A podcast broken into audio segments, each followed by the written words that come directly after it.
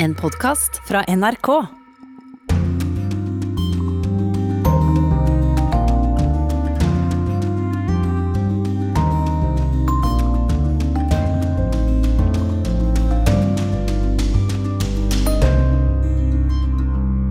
Brasil er hardt rammet av pandemien. Mange søker trøst i kirken denne påsken.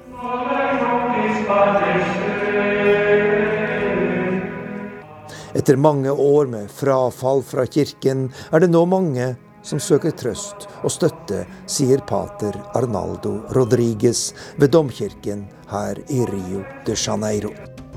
Nord i Mosambik er mange på flukt denne påsken pga. angrep fra militante islamister. Vår gjest forklarer hva som skjer. Egypterne er stolte etter at de fikk løs containerskipet som blokkerte Suezkanalen. Vi ser på kanalens historikk. Suezkanalen ble ferdigstilt i 1869 av franskmennene, og det tok nesten 100 år før den ble egyptisk, noe som førte til en geopolitisk krise. Colonel Nasser's action is entirely different. Britene, her statsminister Anton Eden, var i harnisk over gammel Abdel Nassers nasjonalisering av kanalen. Norsk hjelpearbeider forteller om forholdene i den urolige Tigray-regionen i Etiopia. Hennes og Maurits prøver å gjenopprette tilliten hos kunder i Kina etter omfattende boikott av kleskjeden. Vi står på fortauet ved et gatehjørne utenfor senteret og ser rett på en stor Hennes og Maurits-butikk. En person svarer på spørsmål, men angrer seg og ber at jeg sletter opptaket. Før jeg får spurt flere, blir vi omringet av politi. Naboer til et fengsel i Moskva er i harnisk pga. dette. Ifølge reporteren er noe av hensikten med den høye musikken at de innsatte ikke skal kunne snakke med hverandre fra celle til celle. Men den skal visstnok også forhindre depresjoner hos fangene. Vel møtt til Urix på lørdag denne påskeaften, der vi også skal til Irak, Frankrike og Hviterussland. Mitt navn er Dag Bredvei. Vi starter sendingen i Brasil. Landet opplever nå den verste påsken som folk kan huske, med verdens høyeste koronatall og nedstengning over hele landet. Men den katolske kirken med sine over 100 millioner medlemmer setter håpet i sentrum for årets påskefeiring. Vår medarbeider i Rio de Janeiro, Arnt Stefansen, har besøkt byens katedral og har sendt oss denne reportasjen.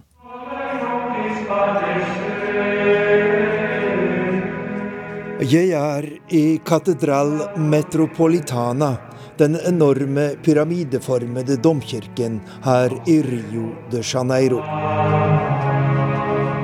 Under det veldige takhvelvet, dekorert med tallrike og vakre mosaikkvinduer, er kirkens folk i gang med å forberede morgendagens høymesse. I fjor satte koronapandemien en stopper for all påskefeiring her i katedralen, men i år, så dramatisk situasjonen enn er, blir det gudstjeneste, sier presten Arnaldo Rodriguez til NRK. Vi skal feire denne påsken med håp. I fjor ble all feiring avlyst på kort varsel, og alt skjedde over internett.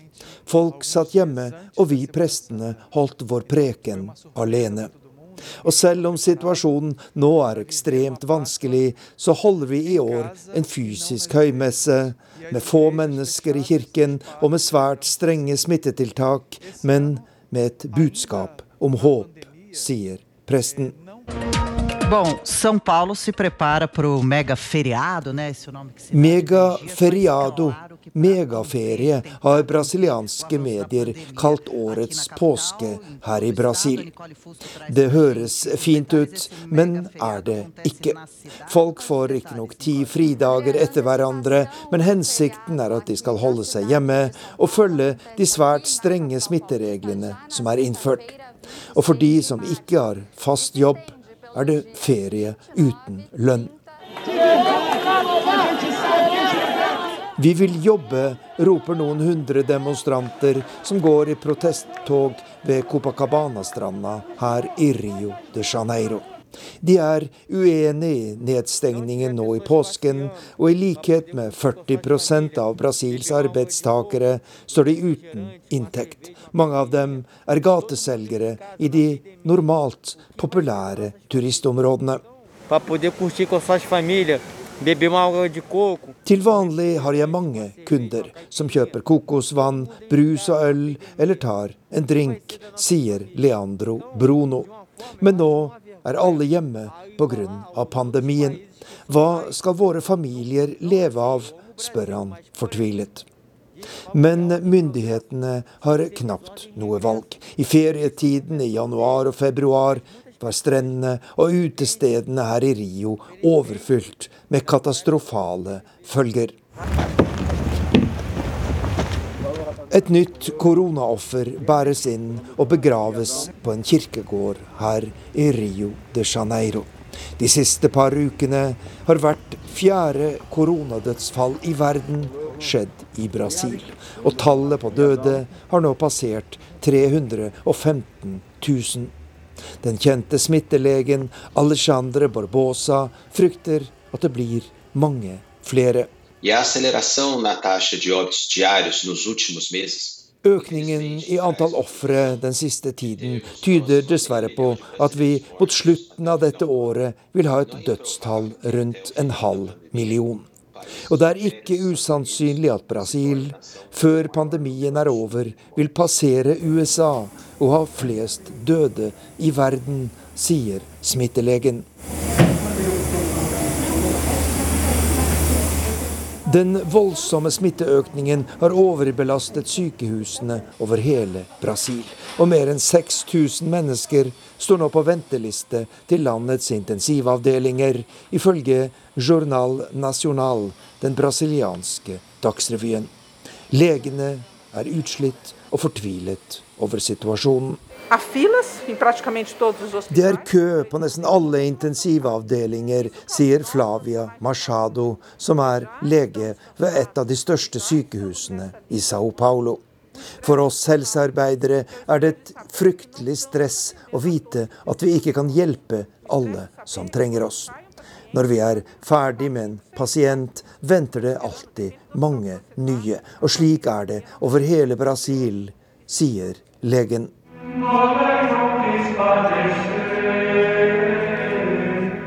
Kristendommens viktigste høytid feires i en dyp krise her i verdens mest folkerike katolske land. Etter mange år med frafall fra kirken er det nå mange som søker trøst og støtte, sier pater Arnaldo Rodriges ved domkirken her i Rio de Janeiro. Og pandemien har fått frem mye godt i oss alle, mener han. Selv om vi er tvunget til å holde mer avstand, så har tragedien brakt oss nærmere hverandre. Jeg har sett en enestående medmenneskelighet og hjelpsomhet under denne krisa. Mange stiller opp for å hjelpe de svakeste og de fattigste. Og jeg håper vi vil ta med oss dette inn i hverdagen etter pandemien, sier presten Arnaldo Rodriguez her i Rio de Janeiro.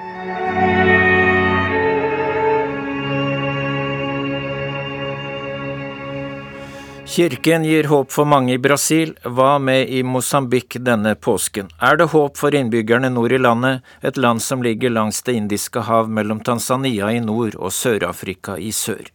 Situasjonen er ikke helt oversiktlig etter at militante islamister med bånd til IS angrep byen Palma med 75 000 innbyggere 24. mars. Minst 10 000 har flyktet sørover. Vi skal snakke med Nina Bull Jørgensen, som har bodd seks år i Mosambik, men først skal vi høre kort fra en som har kommet seg i sikkerhet. Um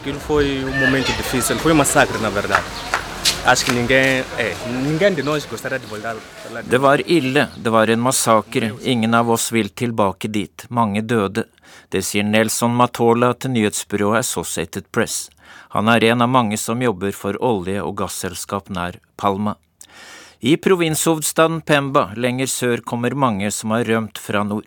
En ung kvinne sier til nyhetsbyrået at hun snakket med mannen sin på telefon. Hun hørte skudd før forbindelsen ble brutt.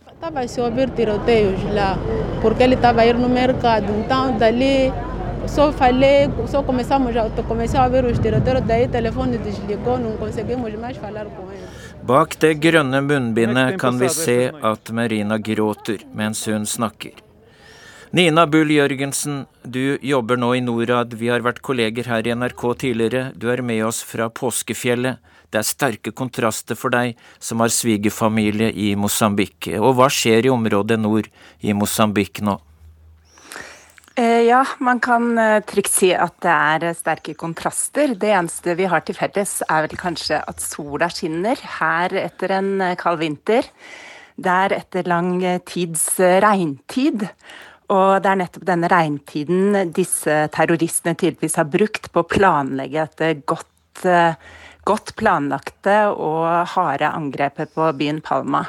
Eh, det er fortsatt kaotisk. Det siste jeg har hørt fra de jeg kjenner i området, er at det er, altså det er krigslignende tilstander fremdeles. Eh, presidenten prøver å roe ned. Han inviterte noen journalister til byen Palma for å si at eh, her har vi kontroll, og så ble de angrepet, og det kom skudd, skuddsalver fra sida. Ehm, sånn at eh, folk i Mosambik sier nå at nå må vi jo erklære krig. Dette er jo eh, og ting, mindre kamphandlinger foregår fortsatt i bushen. Som du sier, ehm, folk har flyktet til Pemba, som er en liten by, selv om det er provinshovedstad. Eh, der er det allerede flere hundre tusen som har flyktet etter at dette har pågått ikke bare nå, men siden 2017 har det vært større eller mindre angrep, og, og lokalbefolkningen har blitt uh, terrorisert. Sånn at um, dette siste angrepet det kan man si har fått større oppmerksomhet internasjonalt, fordi at eh, det også er oljearbeidere, det er internasjonalt ansatte som har blitt angrepet. Og da har man eh, plutselig fått øynene opp for denne konflikten som faktisk har på, eh, pågått i tre-fire år nå. Ja, Før vi snakker sammen mer, Nina. Mange er rystet over meldinger om vilkårlig drap på sivile i Palma by. Vi skal høre talsmann for FNs høykommissær UNHCR. This is the crisis where the violence has directly targeted civilians in villages and in cities in, in Cabo Delgado. Many have been killed and maimed. Hus er brent ned, mange har flyktet hals over hode, jenter er bortført, barn er blitt tvangsrekruttert av militante opprørere osv. Det sier Andrej Mahevic til nyhetsbyrået Associated Press. Og hva sier du til disse beskrivelsene, Nina Bull Jørgensen? Nei, det er jo bare grusomt. Det er jo helt forferdelig. Og, og man har jo hørt i nyhetene om barn som er blitt halshugd. Eh, jeg har eh, venner som har fått meldinger, du vet sånn videomeldinger på WhatsApp med de grusomste scener som er som man ikke omtrent tåler å se. Så det er ikke noe annet å si enn at det er helt forferdelig og helt uforståelig. Um, og så kan, si, så kan man begynne å snakke om hva er bakgrunnen for det som skjer. Uh, og det, det er jo Det er en følelse i den provinsen som da ligger helt nord i Mosambik, som, som er på størrelse med Tromsø-Finnmark, eller Troms-Finnmark. Eh, en, en, slags glemt provins, da, hvor det har vært mye fattigdom, hvor det er lite dårlig med utdanningstilbud, dårlig helsetilbud, dårlig infrastruktur. Sånn at, eh, sånn at, den provinsen har nok følt seg veldig glemt, helt til plutselig det ble stor interesse fra internasjonale selskaper for, for um, den naturgassen, flytende naturgassen som ble oppdaget der, og, og, også for en del sånn eh, edle mineraler og stener og, og, og eh, interesse for å drive gruvedrift. Eh, og så har nok da lokalbefolkningen der følt at de har ikke sett noe til den rikdommen eller det som kanskje måtte komme av utvikling. Um, og her er det jo en, ung, en gruppe unge menn som har startet opp eh, sin egen helt totalt fordreide versjon av islam, som ikke engang kan kalles islam, men, eh, men det har liksom bundet i sinne og opprørstrang, og så er det totalt uforståelig at eh, det sinnet har gått over i å bli Altså, det er jo monstre. Det de gjør, er jo Man har jo ikke ord for hvordan de oppfører seg, men, men selve utgangspunktet har vært uh, unge, sinte menn, for å si det sånn. Mm. Du har tidligere sagt at kristne og muslimer lever fredelig sammen i Mosambik. og Kommer dette angrepet og brutaliteten overraskende også på muslimer i landet? Eh, det tror jeg nok. Altså, det har jo ligget i emning, men det er litt sånn ironisk. Jeg var faktisk i Mosambik i 2017 og hadde et sånt skriveprosjekt hvor, eh, hvor min liksom, hypotese, da, eller min, um, min, opplevelse av Mosambik etter å ha bodd der, er at kristne og muslimer de lever side om side i fred og fordragelighet. De gifter seg med hverandre, de er naboer, de, de er venner osv. Så videre. sånn at dette med å være kristen eller muslim er egentlig ikke noe, det er ikke noe big deal. og det er um, et flertall muslimer i nord. Um, I Mosambik som helhet så er det 18% muslimer. Men uh, jeg snakket jo da med ledere, muslimske ledere, og det var så vidt i emning. Det var noe opprør i nord, og da sa de dette er ikke muslimer. Dette er ikke Det har ingenting med islam å gjøre, det som skjer der. Sånn at de var bekymret Eh, og det var i 2017. Nå er vi i 2021. Så det er noe som har ligget i emning, og det er mange som har vært bekymret. Og mange vil nok si at man burde reagert mye før. Men, men muslimer generelt i Mosambik, de, det er jo ingen som støtter disse opprørerne som kaller seg muslimer. Mm. Takk skal du ha, Nina Bull Jørgensen. Sånn at, mm. Takk skal du ha, Nina Bull Jørgensen, direkte med oss fra påskefjellet.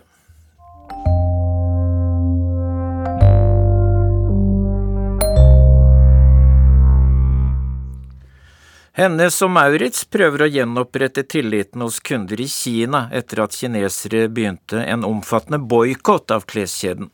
Protestene mot det svenske selskapet kommer i kjølvannet av at det unngår bomull fra Xinjiang vest i Kina. Vår Asia-korrespondent Kjersti Strømmen har sett nærmere på saken.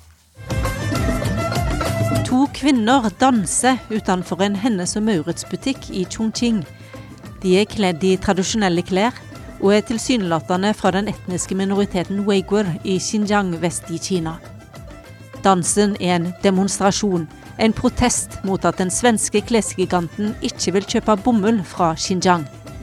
Grunnen er at selskapet er usikker på om bomullen blir produsert ved bruk av tvangsarbeid. Dette har satt sinnene i kok over hele Kina, og kundene uteblir.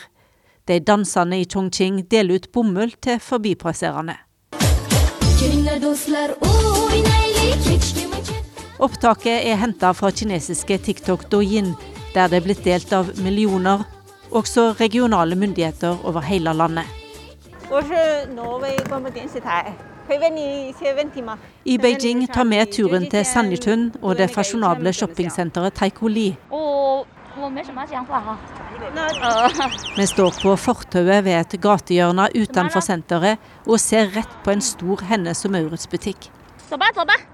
En person svarer på spørsmål, men angrer seg og ber at jeg sletter opptaket. Før jeg får spurt flere, blir vi omringet av politi.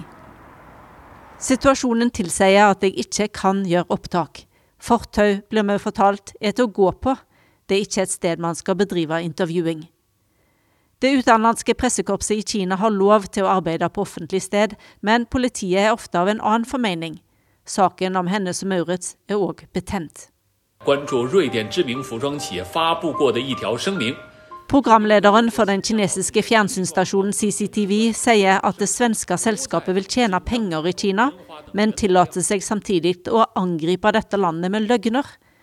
Han sier at man kan se det i forkortelsen av navnet HM, som på kinesisk kan stå for ordet huangmiu og betyr latterlig. Kina er ikke nådig i sin motstand til utenlandsk kritikk. Mens Kinas myndigheter mener de hindrer terrorisme og hjelper innbyggerne i Xinjiang til et bedre liv med omskoleringsskoler, hevder folk og myndigheter i Vesten at muslimer blir satt i konsentrasjonsleirer, og at det pågår et etnisk folkemord.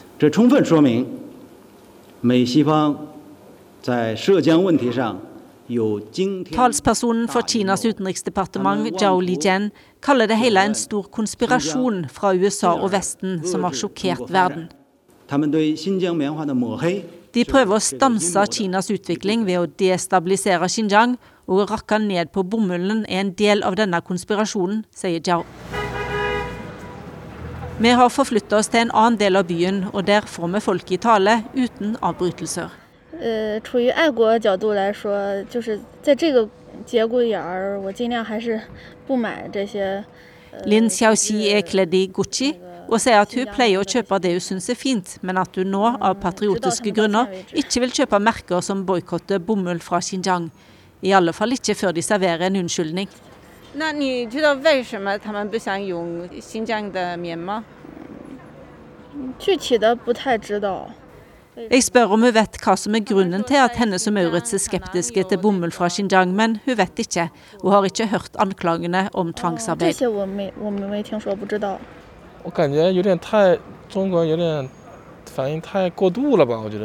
En mann kledd i skjorte og dressbuksa vil ikke si sitt navn, men forteller at han syns det hele har tatt for mye av, at kinesiske reaksjoner er overdreven sterke.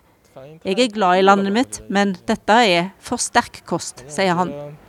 我也不是不爱国，就感就感觉就是看大家自己选择吧。你你要想买就买，你要对吧？就自己个人选择吧。 Klokken er straks 11.25, dette er Urix på lørdag. Fjerningen av containerskipet Ever Given, som i seks dager blokkerte skipsfarten i Suezkanalen, oppleves som en nasjonal seier av mange egyptere. Kanalen er et nasjonalt symbol, og denne ukens redningsarbeid sammenlignes med landets frigjøring fra britisk kolonistyre i 1956. Reporter er Sofia Paskiewicz. Havnesjef Osama Rabi kommenterer posisjonen til gigantskipet Ever Given fra en liten slepebåt. For egypterne, og særlig for lokalbefolkninga langs kanalen, har det betydd mye at det er nettopp egyptere som til slutt fikk løs skipet som i seks dager blokkerte trafikken mellom Asia og Europa. we were able to defend the Suez Canal. We were able to liberate. Vi har greid å frigjøre kanalen slik som våre forfedre forsvarte den i 1956.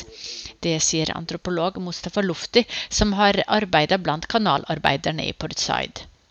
Suezkanalen ble ferdigstilt i 1869 av franskmennene, og det tok nesten 100 år før den ble egyptisk, noe som førte til en geopolitisk krise.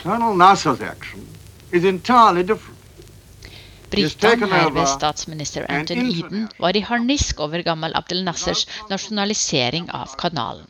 Britiske, israelske og franske styrker ble sendt til Sinai, og kanalen ble stengt. Mer enn 3000 egyptiske liv gikk tapt i kampen, men til slutt fikk landet kontroll over kanalen. En avgjørende hendelse i Egypts historie. For a lot of the people who got to work in the Suez Canal Authority, they know this story. Lokalbefolkningen som jobber i og langs kanalen, kjenner historien. Om deres fedre og bestefedre som ikke fikk jobb fordi kanalarbeiderjobbene var forbeholdt utlendinger. De husker hvor mange liv som gikk tapt i kampen i 1956.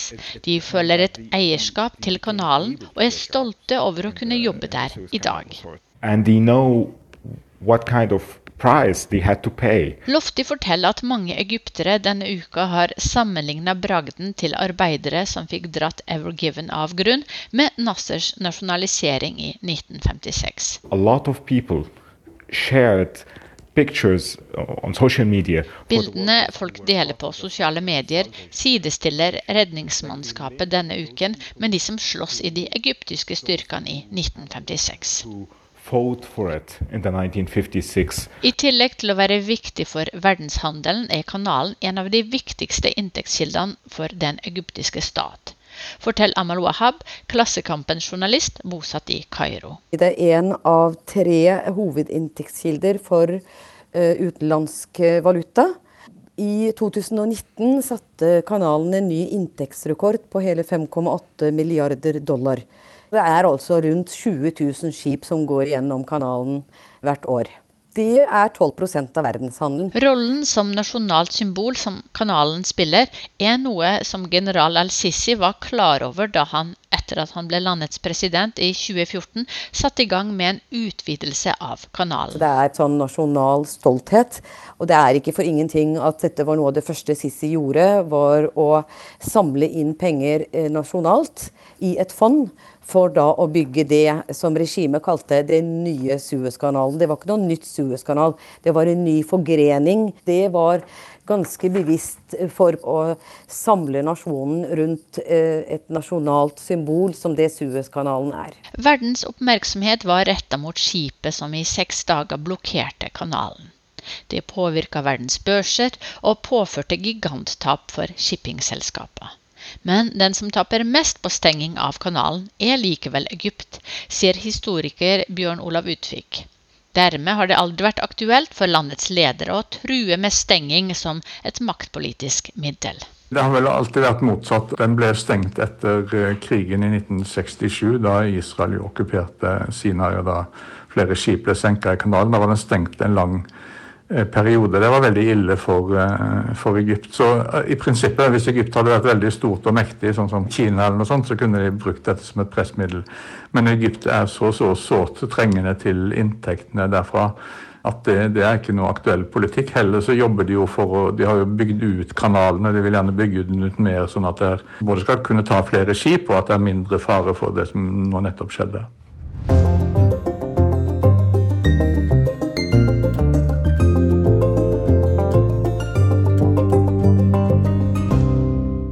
Nå som flere organisasjoner og medier slipper til i Tigray i Etiopia, blir det stadig mer klart at det har pågått grove overgrep mot sivile fra alle parter i konflikten. Regjeringshæren, TPLF, som står for Folkefronten for frigjøring av Tigray, og fra eritreiske styrker. Og seniorrådgiver Arne Sæverås i Kirkens Nødhjelp, du er trolig den første nordmann som har vært inne i Tigray i Etiopia etter at uroen der blusset opp i november. Du var annet i regionhovedstaden Mekkele, og hvordan ser det ut der? Altså, det var eh, et annerledes møte med Mekkele denne gangen. Jeg har vært der mange ganger før knyttet til uh, programarbeid i Kirkens Nødhjelp. Eh, når jeg kom denne gangen, så merket man allerede når man bare gikk ut av flyet, at her var situasjonen helt spesiell, helt annerledes. Det var på en måte som å komme ut et sted rett etter at det har vært en stor smell. Eh, dempet lyd på en måte. Folk er alvorstynget. Man, man ser at noe veldig alvorlig har skjedd. Og tilsynelatende så går livet som normalt i gater og, og, sånne ting, men samtidig så er det en veldig alvor over, uh, over, byen.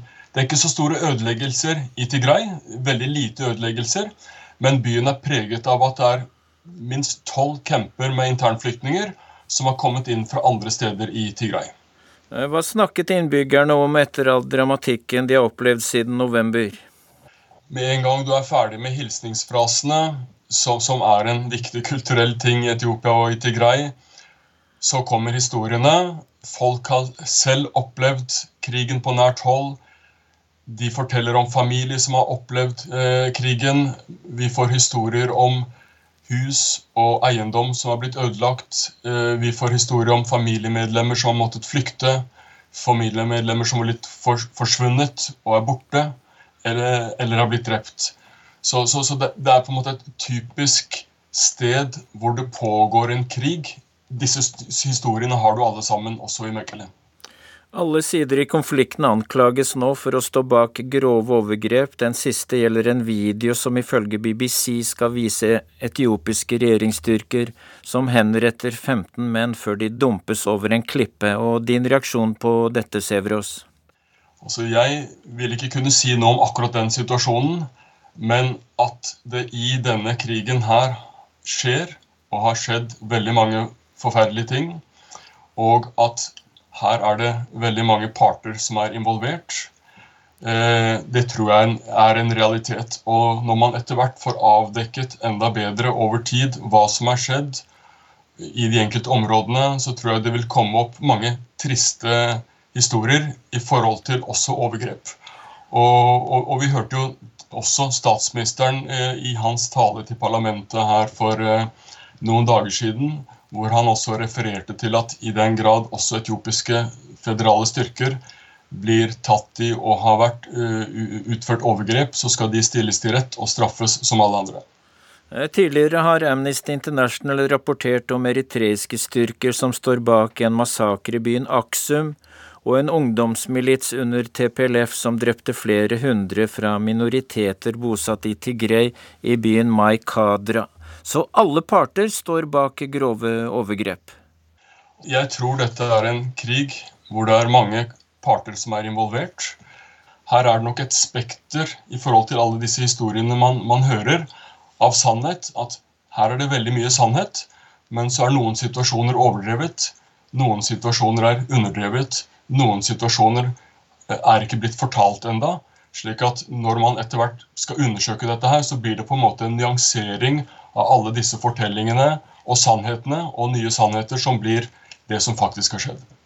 Eh, dere i Kirkens Nødhjelp samarbeider tett med lokale hjelpeorganisasjoner, og hva sier de om behovet for hjelp etter uroen som har pågått siden november?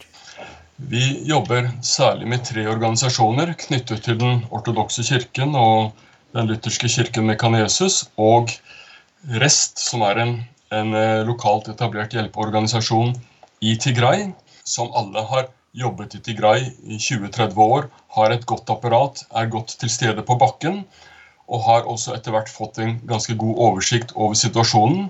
Selv jobber de med matutdeling, vann, støtte til folk på hygienesiden med hygienepakker. Og eh, også dette her med kjønnsbasert vold, forebygging og også behandling av folk som har vært utsatt for dette her. Og vi har faktisk kurset alle våre medarbeidere, enten det er vannfolk eller hygienemedarbeidere, eller folk som jobber med, med lokalt samholdsarbeid, lokalt fredsarbeid, så er alle sammen opplært nå i dette med kjønnsbasert vold i forhold til å også ta inn og kunne sortere det som har vært av overgrep og, vi stadig ser mer av. De sier at mye av den, det arbeidet og den hjelpen som utføres akkurat nå i form av mathjelp, vannhjelp, og innsatser på disse områdene jeg nevnte, bl.a. lokalt samhold, sier at vi trenger mye mer av dette her.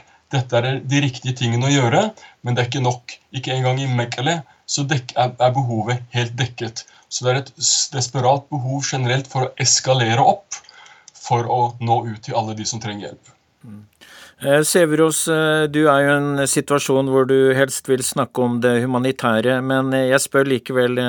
Omverdenen hadde et godt inntrykk av statsminister Abiy som tok imot fredsprisen i 2019 etter å ha inngått fredsavtale med Eritrea. Mange er kritiske til ham nå, etter invasjonen i Tigray-regionen mens andre sier at Nordkommandoen, den største militærleiren i Etiopia, med store våpenlagre, ble angrepet av TPLF natt til 4. november, så derfor hadde ikke statsminister Abiy noe annet valg. Og hva sier dine kontakter? Nei, det er, det er riktig det at min ekspertise går på det humanitære, men eh, jeg vil si at eh, dette angrepet på, på Nordkommandoen på en måte ble en, en utløsende trigger til, til selve kamphandlingene, men at årsaken til denne krigen, den må vi gå lengre tilbake i tid og finne. Eh, noen hevder at statsminister Abiy gjorde det rette og, og, har reddet nasjonen fra å bli Afrikas svar på Jugoslavia. Og hva sier dine kontakter i Etiopia om eh, dette betente spørsmålet? Begge parter her må ta på seg mye ansvaret for at dette eskalerte til å bli en, en konfrontasjon, en militær konfrontasjon med de veldig triste konsekvensene eh, vi, vi ser i dag. Eh, men det er også viktig å, å, på en måte huske at TPLF er jo på en måte en veldig kjent størrelse i Etiopia, da de på en måte har vært dominante i den koalisjonen som har ledet Etiopia siden 1991 og nå fram til 2018. Så mange har på en måte ønsket at, at, denne krigen også skal løses på en fredelig måte, men mange uttrykker også at man ikke ønsker at TPLF nå eh, ved å vinne en krig skal komme tilbake igjen og bli en sentral maktfaktor i Etiopia. Man ønsker nå et mer demokratisk system. Tusen takk skal du ha, Arne Sæverås, som nylig kom hjem fra Tigray.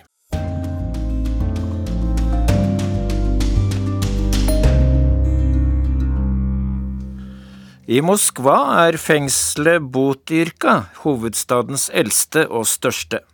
Det ligger eh, boligblokker tett på rundt fengselet, og naboene har fått et kjempeproblem.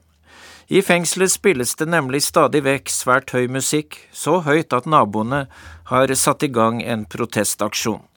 Men myndighetene vil ikke stoppe musikken, forteller korrespondent Jan Espen Kruse.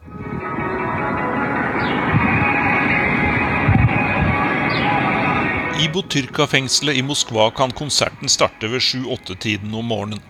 Denne dagen er det ganske heftig rock som står på programmet. Opptaket er gjort av russisk TV på gårdsplassen utenfor en av boligblokkene og rett ved fengselsmuren. Naboene forteller hva slags musikk som spilles mest innenfor murene. Бывает Пинк играет, бывает Сергей Лазарев. Подпевайте. Бывает. Noen ganger spilles Pink, andre ganger er det Sergej Lazarev eller Rammstein, forteller naboene. Synger dere med, spør journalisten. Ja, det hender, sier en kvinne og en mann. For det meste er det musikk som spilles, men det hender også at nyheter kringkastes fra fengselet og utover nabolaget og det kan pågå i mange timer.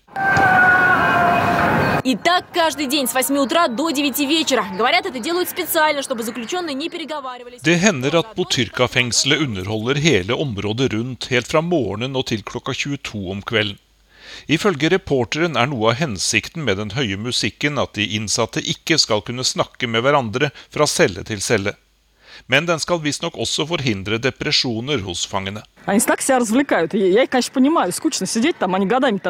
Det er ikke vanskelig å forstå at de innsatte trenger underholdning.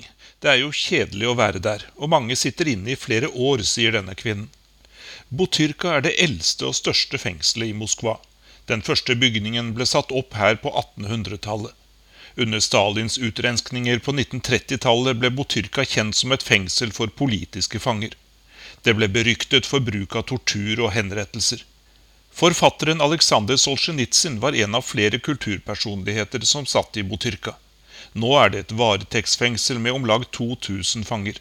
Og de får altså høre mye og høy musikk.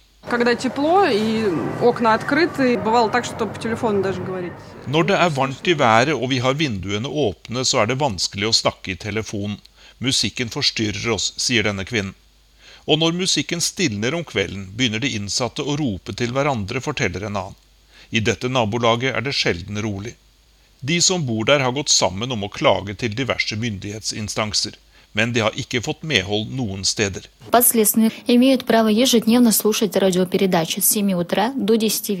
De innsatte har rett til å høre på musikk eller radio fra klokka sju om morgenen til 22 om kvelden hver eneste dag, sier en talskvinne for det russiske fengselsvesenet men det understrekes at musikken ikke må spilles høyere enn det tillatte lydnivået. Мы находимся здесь уже несколько часов. Замерили уровень шума. Он в норме от 30 до 50 децибелов. Vi har vært på stedet i flere timer for å måle styrken på musikken, sier en av journalistene. Den ligger på mellom 30 og 50 desibel, så det er ingen lover som brytes.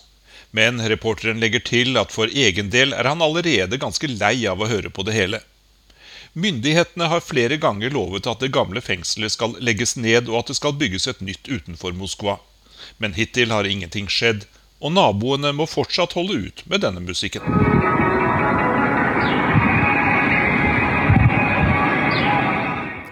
Vi skal til Irak og til den lille byen Karakosh, som er en av verdens eldste kristne samfunn.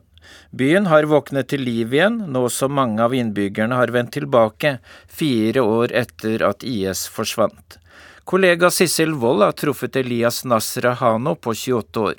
Han vendte tilbake for å stifte familie og å starte egen restaurant. I et lite bur kvitrer to grønne kanarifugler. Det er her Elias Nasrahano bor med familien. Vi traff den blide asyreren da vi kom innom restauranten hans. Som alle de rundt 60 000 innbyggerne i Karakosh rømte også han da IS okkuperte hjemstedet. Vi oppdaget at Elias snakker svensk, så vi ville høre historien hans.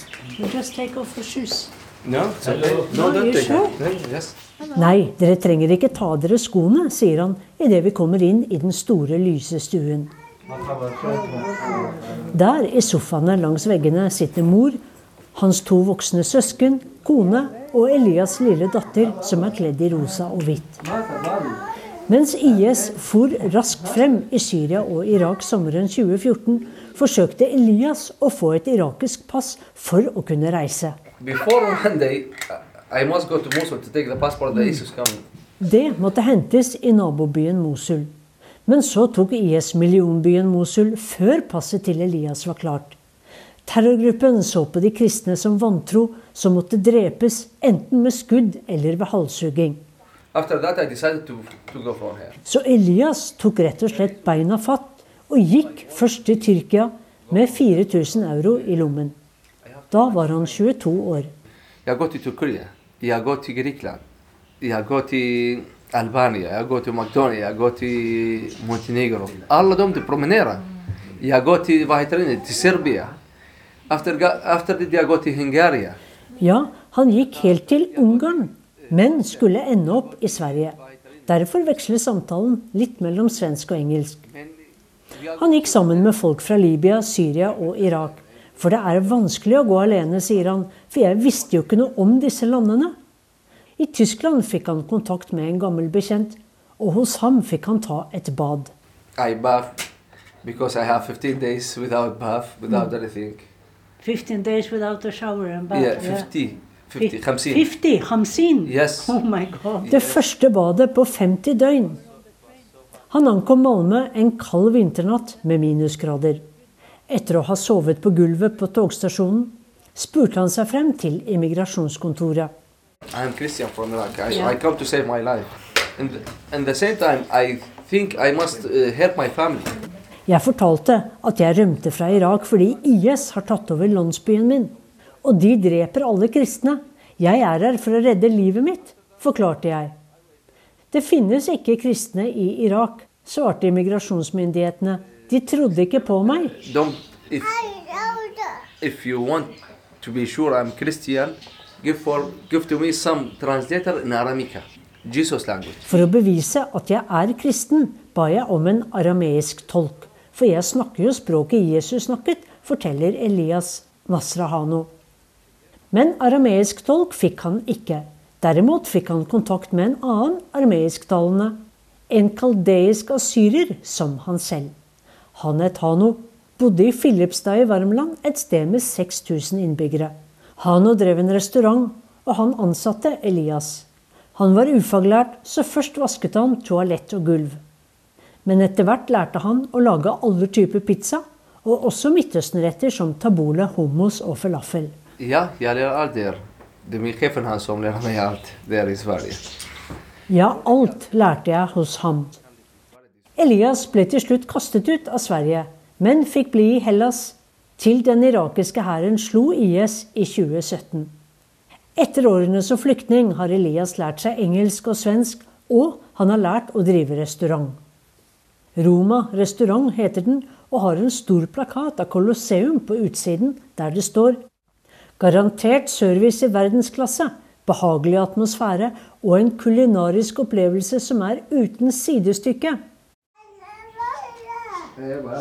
Livet i Karakosh er i ferd med å bli som før, selv om bare halvparten av innbyggerne gjorde som Elias Nasrahano, vendte hjem. Det var så svårt til meg å komme tilbake her i Irak. Du vet, det finnes ingen eh, liv her. Restauranteieren, som smiler hele tiden, vil bli her. Før den USA-ledede invasjonen i 2003 bodde 1,5 millioner kristne i Irak. Nå har det tallet sunket til en kvart million. De fleste ser ingen fremtid i dette krigsherjede landet lenger.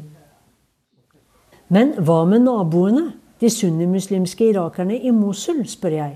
For mange der sluttet seg til IS, så har noe endret seg nå. Forut, jeg har så mange kompiser som var muslim. De, de skillnad.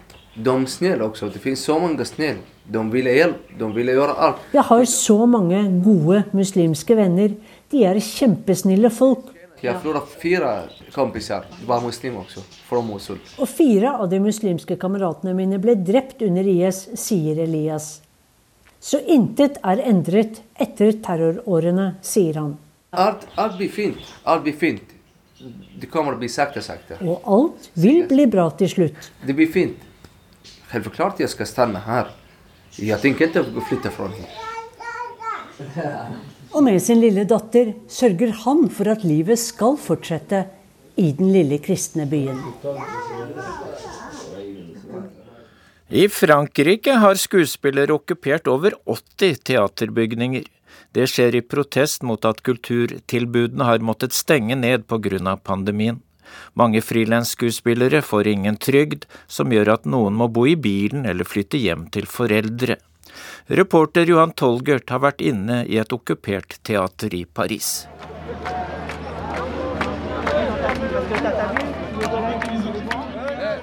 Ungefär 80 teatrar är ockuperade i dagsläget i landet. Vid grindarna stoppas jag. Efter hård förhandling lyckas jag dock övertala de stränga vakterna att öppna dem. Musikern Catherine vill att grindarna stängs snabbt. Vi er redde for at politiet skal storme inn, sier hun. Euh, bien sûr que ça nous fait peur. La Bien- en, en tout cas, tant que citoyen, bien sûr que ça nous fait peur. För att få vistas på ockuperad mark knyter unga rockmusikern Flo en armbindel runt min jackärm.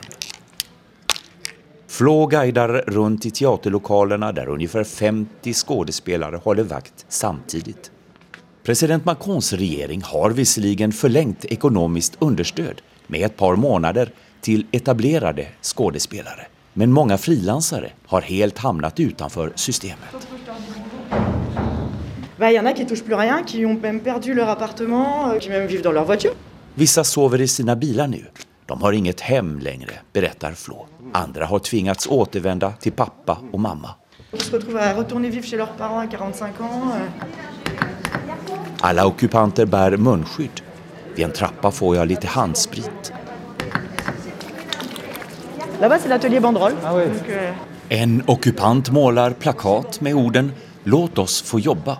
Den ska hängas ut på teaterfasaden. Det er ça det a plein de bouteilles de peinture, ça. Barockmusikern Karin dyker upp med blött hår.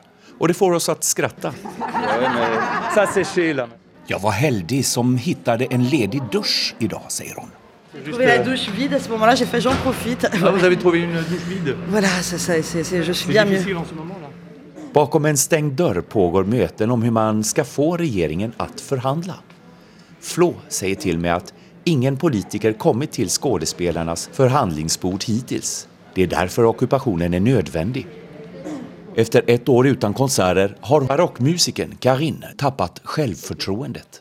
Jeg er livredd for. Jag är livrädd för att flippa ut och gråta hämningslöst den dag jag kommer att möta publiken på nytt, säger barockmusikern Karin. Framför kulturministeriet, nära museet Louvren, organiserar skådespelarna regelbundet demonstrationer. Slagorden lyder “Ockupera allt ni kan”. Medierna rapporterar ofta om att fransmän i allmänhet drabbas av svår depression i och med coronakrisen.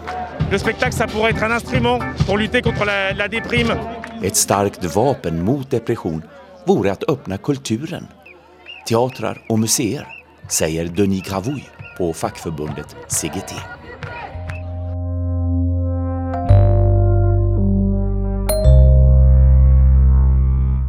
Ukens korrespondentbrev kommer fra Jan Espen Kruse i Moskva og handler om situasjonen i Hviterussland. Det er ingen enkel oppgave å bedre ryktet til Hviterusslands svært autoritære leder Aleksandr Lukasjenko. Men regimet selv og de sterkt statsstyrte mediene i landet prøver i hvert fall. For en tid tilbake arrangerte Lukasjenko noe han kalte en folkeforsamling. Der deltok nærmere 3000 av hans mer eller mindre lojale støttespillere. Et av temaene som ble diskutert, var reformer i Grunnloven. Bak denne formuleringen lå vel egentlig spørsmål om når Lukasjenko skal gå av. For presidenten hadde selv tidligere snakket om at han har for mye makt, og at en fremtidig leder bør dele mer makt med regjering og nasjonalforsamling. Men det var ingen i folkeforsamlingen som snakket om elefanten i rommet. Tvert imot var det en oberst fra byen Gomel som spratt opp og ville si noe foran Lukasjenko som satt på podiet. Tillat meg å motta energi og handlekraft fra dem ved å trykke deres faste hånd, sa oberst Andrej Krivanosov. Mens alle rundt han lo, gikk offiseren bort til Lukasjenko og fikk sitt håndtrykk. Han avsluttet med å si at han elsker og tjener den hviterussiske republikk.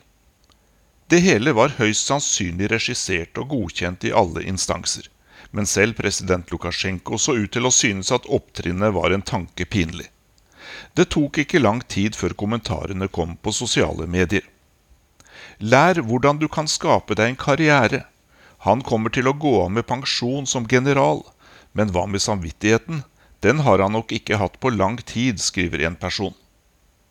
Hvis du ønsker å ha et lett liv og leve nær ledelsen, så hold baken høyt og hodet lavt, kommenterte en annen. Når han snakker, blir jeg flau, var det andre som skrev. Herregud, jeg trodde jeg hadde sett alt i mitt liv, men dette slår absolutt alt. Har ikke ord, skriver en annen. Men regimets anstrengelser for å bedre sitt rykte var ikke over med dette. Og den nå berømte obersten Krivanosov fra Gomel forsvant ikke over i glemselen. Tvert imot, han fortsatte å spille hovedrollen i et nytt videoklipp som ble lagt ut på sosiale medier. Igjen ble den sannsynligvis delt flittigere blant Lukasjenkos motstandere enn blant hans tilhengere. Klippet er etter alt å dømme laget av en gruppe som står nær det hviterussiske forsvaret, og som kaller seg På vakt for fedrelandet. Og videoen, den går slik. Jeg er oberst Krivanosov. Under den sjette hviterussiske folkeforsamlingen ble jeg beæret med å få energi og handlekraft av øverstkommanderende for Hviterusslands væpnede styrker. Det skal jeg nå gi videre til dem som tjenestegjør i de væpnede styrkene, sier offiseren. Så tar alle de tilstedeværende militære hverandre i hånden etter tur, sånn at Lukasjenkos energi og handlekraft overføres til alle. Og så sier alle i kor at de elsker og tjener den hviterussiske republikk. Igjen kokte det på sosiale medier. En høytidelig overføring av koronavirus, skrev en. Kjære Gud, gi Krevanosov energi i hjernen, slik at han kan overføre det til sine underordnede, ber en annen. For en skam, de er som grønnsaker. Tenk at barnet hans skal leve videre på et vis med dette. Tenk om Lukasjenko hadde kysset ham, lyder andre kommentarer. Da den skikkelige vinterkulda satte inn, ble hviterussernes protestaksjoner mindre, inntil de mer eller mindre ble borte. President Lukasjenko har flere ganger sagt at han har vunnet kampen mot opposisjonen, og at situasjonen i landet er stabilisert. Han har i sine møter med Russlands president Vladimir Putin fått klare løfter om støtte, både når det gjelder politikk, økonomi og hjelp med politi og militære styrker. I løpet av tiden som har gått siden presidentvalget i august i fjor, har om lag 34 000 mennesker blitt arrestert i forbindelse med protestaksjoner i Hviterussland.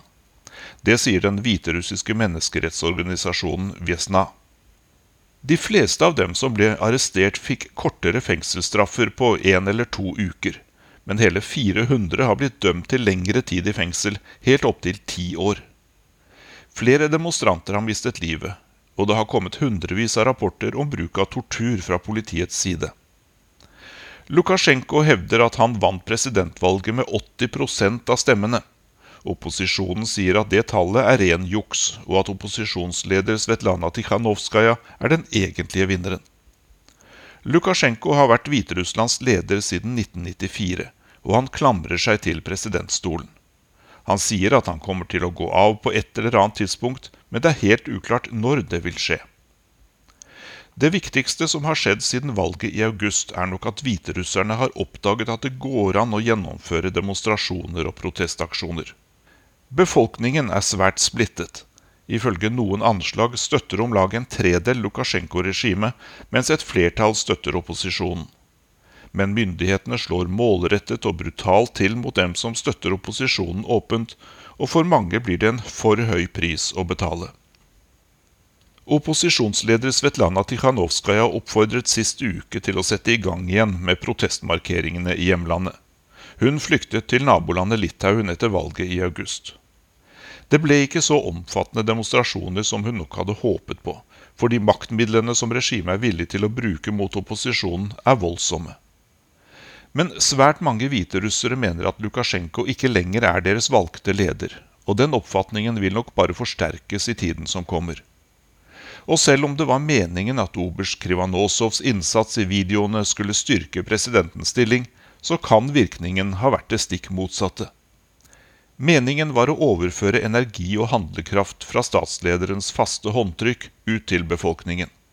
I stedet fikk mange hviterussere seg en god latter, samtidig som de ikke kan begripe at det går an å lage så dårlig egenreklame for Europas mest autoritære leder. Urix på lørdag er straks eh, slutt. Teknisk ansvarlig Eli Kyrkjebø, produsent Katrine Nybø og jeg, Dag Bredvei, takker for følget denne siste timen. Vi ønsker dere alle en fortsatt god påske.